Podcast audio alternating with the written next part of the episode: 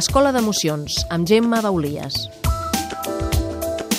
I avui a l'Escola d'Emocions tornem a afrontar una emoció, una emoció com la plenitud avui, i per fer-ho ens acompanya la Gemma Baulies, que és pediatra, és homeòpata, ha escrit el llibre L'aventura de relacionar-se, ella és metge naturista, i benvinguda, avui ens portes una, una emoció que ens agradaria a tots eh, veure en els nostres fills i en nosaltres mateixos, que és la plenitud. Jo crec que en algun moment tots hem sentit plenitud. El que passa que a vegades és tant, tantes petites pinzellades que no ho hem deixat, no tenim el record.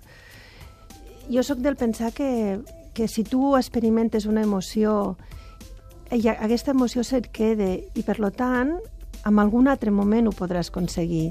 Et, passo, parlo per un moment personal, no? Jo vaig, durant un moment em vaig sentir, saps, amb una plenitud brutal. Això va durar un, un moment però sé que en algun altre moment ho puc aconseguir. Llavors, bueno, és qüestió d'intentar d'alguna manera fer que tot lo que, tota la vida que tu fas et porti a sentir-se en cada moment com aquella sensació que vaig tindre en aquell moment, no? La plenitud és tant una plenitud a nivell corporal, a nivell físic, tant a nivell espiritual, a nivell mental. A nivell físic és molt important una bona alimentació, fer un exercici bo, no prendre rogues, ni psicotropos, ni fumar, etc, perquè això fa que el teu cos estigui molt més receptiu i molt més viu. A nivell mental, doncs, tindre molta confiança. Jo crec que el més important de tot i que no tenim que perdre, pesar, a pesar de com estan els moments ara, és confiança en la vida, no? I, i això, eh, aquesta confiança fa que sempre veguis una finestra oberta, i això és molt important. Encara que tot estigui tancat, amb un puesto molt tancat pots, veu, pots sentir-te ple, ple igualment perquè hi ha una finestra oberta. I a nivell espiritual, bueno, hi ha tota una sèrie de... El contacte amb la naturalesa crec que és sumament important. Si juntem aquestes tres facetes nostres, podem aconseguir aquesta plenitud. Um, és molt important, com he dit, anar a la naturalesa.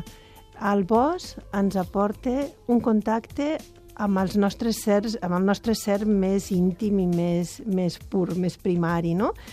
I sí que cada vegada hi ha més estudis on es veu que aquest contacte fa que nosaltres estiguem molt més estables a nivell emocional.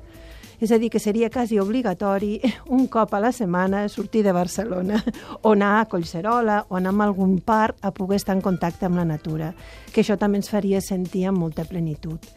Tindre una plenitud de vida no vol dir que tinguis una vida perfecta, no té res a veure. La vida ja ho sabem, hi ha moments bons, moments dolents, sinó que tinguis una manera d'afrontar aquesta vida de la manera més optimista possible que es pugui en cada moment, no? I no deixar-se abatre, o si t'abatre, si, si caus o de caus en algun moment, pues saber que això durarà pues, dos o tres hores o quatre dies, però després s'ha de continuar treballant i vivint i agraint tot el que tenim al nostre alrededor, no? Clar, com, com transmitim això amb els nostres... Jo crec que nosaltres hem viscut aquesta plenitud. Quan érem bebès, estàvem ben alimentats, no teníem fred, no teníem gana, estàvem en braços de la nostra mare o el nostre pare. Si en fixes la cara que tenen els bebès en aquell moment, és una cara i uns ulls de tanta plenitud i tanta pau que dius, això és. És a dir, que en algun moment, si tot ha anat bé i no han tingut cap trasbals, en algun moment ho hem sentit. És a dir, que ho podem tornar a recuperar, no? I et dic, no cal fer grans coses per sentir-se plena, no? Perseguirem aquesta pastanaga sí. de la plenitud. Gràcies, Gemma Baulies.